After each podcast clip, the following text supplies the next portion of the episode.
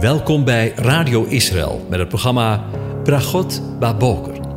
Een kort ochtendprogramma waarin een gedeelte uit de Bijbel wordt gelezen en besproken. Met Bragot Baboker wensen onze luisteraars zegeningen in de ochtend. Presentator is Kees van de Vlist.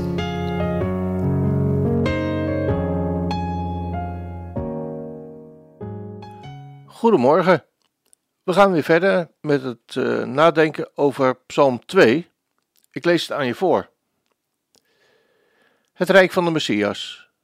Waarom moeden de heidevolken en bedenken de volken wat zonder inhoud is?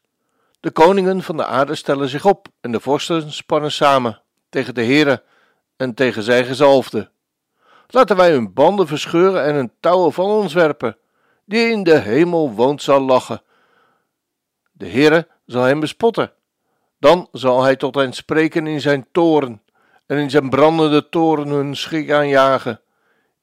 Ik heb mijn koning toch gezalfd over Sion, mijn heilige berg. Ik zal het besluit bekendmaken. De Heer heeft tegen mij gezegd: U bent mijn zoon. Ik heb uw heden verwekt. Eis van mij, en ik zal u de heidevolken als uw eigendom geven, de einde van de aarde als uw bezit. U zult hen verpletteren met een ijzeren scepter. U zult hen in stukken slaan als aardewerk. Nu dan, koningen van de aarde, handel verstandig. Laat u onderwijzen, rechters van de aarde. Dien de Heere met vrezen. Verheug u met huiver. Kus de zoon, opdat hij niet toornig wordt en u onderweg omkomt, wanneer zijn toorn slechts even ontbrandt. Welzalig alle die tot hem de toevlucht nemen. Tot zover. Over rijkdom gesproken. In de afgelopen dagen hebben we stilgestaan bij de versen 7 tot en met 9 van deze psalm, waar we mochten lezen over het verbond met de koning. In het bijzonder met betrekking tot het aspect van het zoonschap. Vandaag maken we een overstap naar de versen 10 tot en met 12, waar we lezen: nu dan, koningen, handel verstandig. Laat u onderwijzen, rechters van de aarde. Dien de Heere met vrezen, verheug u met huiver.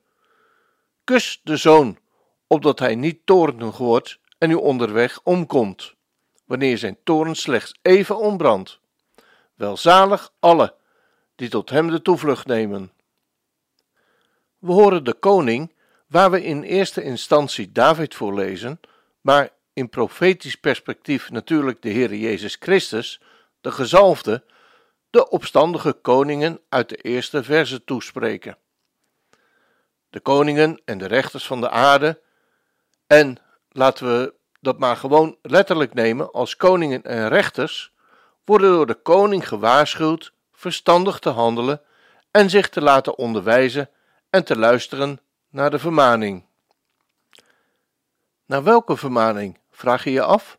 Nou, daar hoeven we niet naar te raden, want die komt er namelijk achteraan en is glashelder.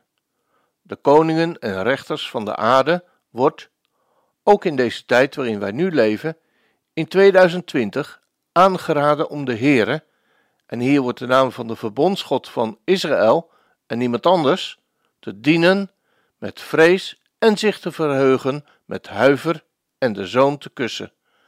Drie heel concrete opdrachten. Dien de Heere met ontzag, breng juichend hulde en kus de zoon. De vertaling van de laatste woorden heeft voor heel wat discussie gezorgd. Wat betekenen deze woorden nu eigenlijk? Maar inhoudelijk passen de woorden kus de zoon, zoals de meeste vertalingen luiden, goed. De opstandige koningen, waarvan we in de eerste verse van de psalm lezen, worden opgeroepen om neer te knielen voor de koning en de voeten van de koning te kussen als teken van onderwerping. De tijd komt dat de hele wereld zou moeten erkennen dat God de enige ware heerser is, die alles leidt en bestuurt.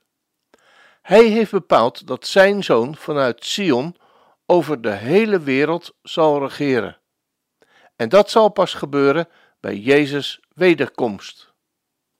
Maar dan heeft de wereld als geheel de keuze om Hem te erkennen als koning en zich aan Hem te onderwerpen, of Hem te verwerpen. Een derde keuze is er niet. Er is geen tussenweg. Bij de eerste komst van Jezus werd hij verworpen, zonder direct zichtbare gevolgen voor wie dit deden. Maar bij zijn tweede komst zal dat anders zijn. Dan zal verwerping niet gevol zonder gevolgen blijven. Dan treedt hij op met een ijzeren staf en worden zij in stukken geslagen als aardewerk. En dan lezen we dat alle knie zich voor hem zal buigen. Paulus voorzag deze situatie al wanneer we lezen in Filippenzen 2, waar we voor het verband van de tekst vanaf vers 5 het volgende lezen. Laat daarom die gezindheid in u zijn die ook in Christus Jezus was, die, terwijl hij in de gestalte van God was, het niet voor roof beschouwd heeft aan God gelijk te zijn, maar zichzelf ontledigd heeft door de gestalte van een slaaf aan te nemen en aan de mensen gelijk te worden. En in de gedaante van een mens bevonden, heeft hij zichzelf vernederd en is gehoorzaam geworden tot de dood. Ja, tot de kruisdood. Daarom heeft God hem ook bovenmate verhoogd en heeft hem een naam geschonken, boven alle namen. En dan volgende woorden, waar het mij in dit verband om gaat.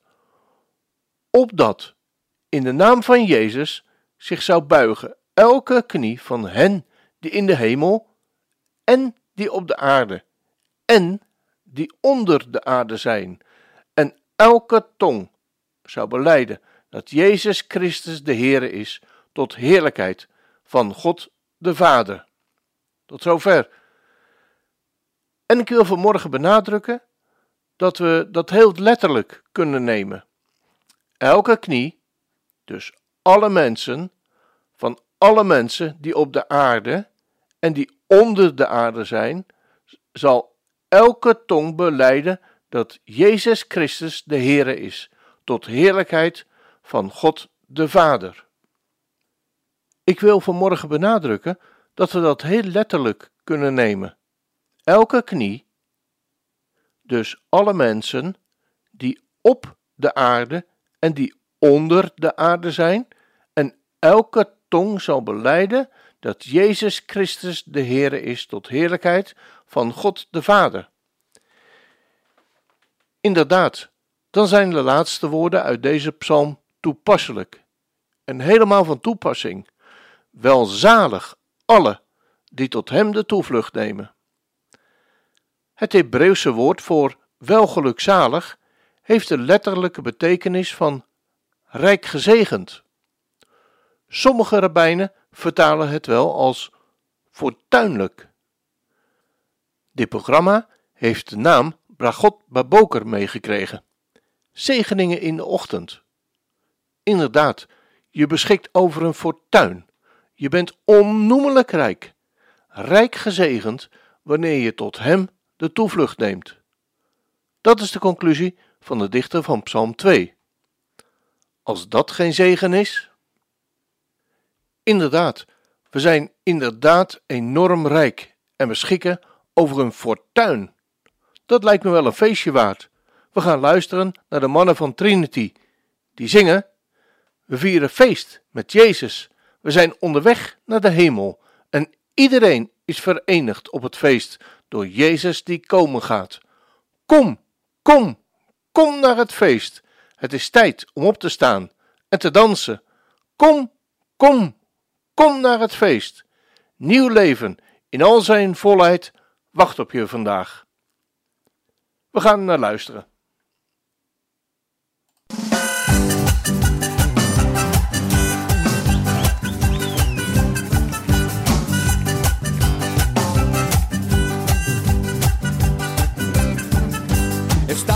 De fiesta con Jesús, al cielo queremos ir y todos unidos en la fiesta, por Cristo que va a venir.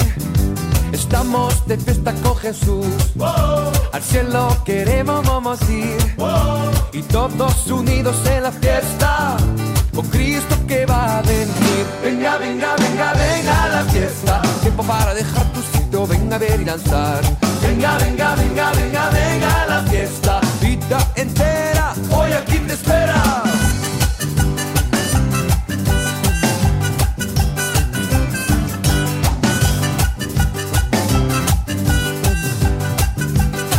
Vamos. Estamos de fiesta con Jesús, al cielo queremos ir y todos unidos en la fiesta,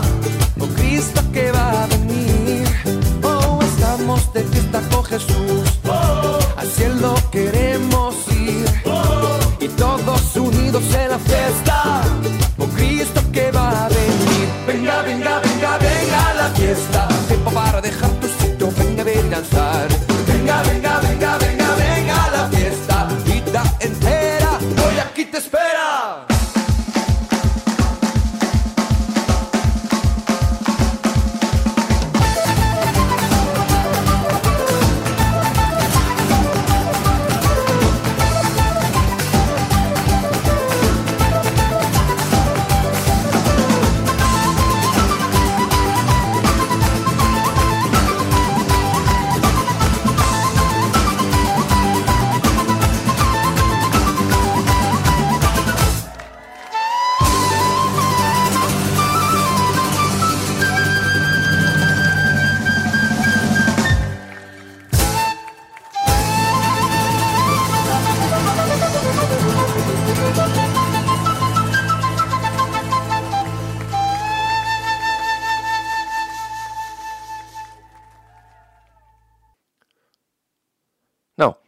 iedereen wakker denk ik vandaag. Ik wens je een van God gezegende dag toe.